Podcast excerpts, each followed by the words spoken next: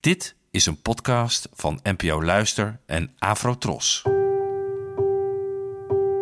Poëzie vandaag.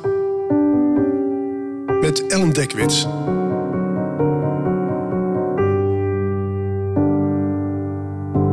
Hallo, fijn dat je luistert. Het gedicht van vandaag heet Antwoord op een klacht en werd geschreven door de Zimbabwaanse dichter Dambutsto Marechera, geboren in 1952 en gestorven in 1987. Het werd vertaald door mij.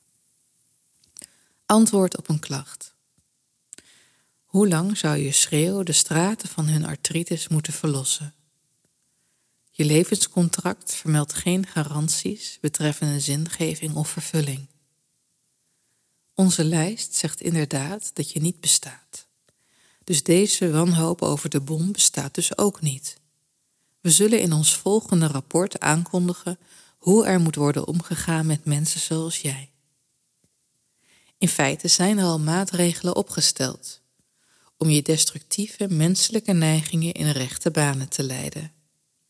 Drink je voorschriften thee met een lepeltje behoedzaamheid. Je angsten bestaan alleen op het papier waarvan vlees is gemaakt.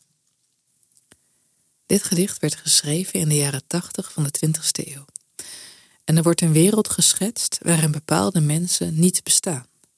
Er is angst voor een bom en er is een samenleving waarin je alleen echt bent wanneer je de juiste papieren hebt.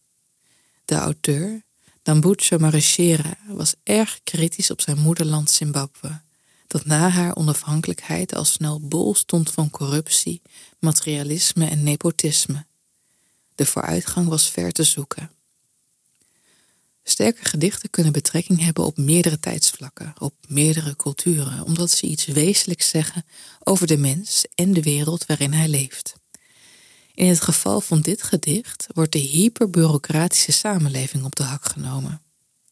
Marechera stierf in Afrika in 1987, maar dit vers had net zo goed in Nederland in 2023 geschreven kunnen zijn, waar het overheidsapparaat is vastgelopen en een nadruk op formaliteit de menselijkheid nog steeds in de weg staat. Dus dit gedicht is nog steeds universeel en actueel. Helaas. Bedankt voor het luisteren en tot de volgende keer. Afro Tros, de omroep voor ons.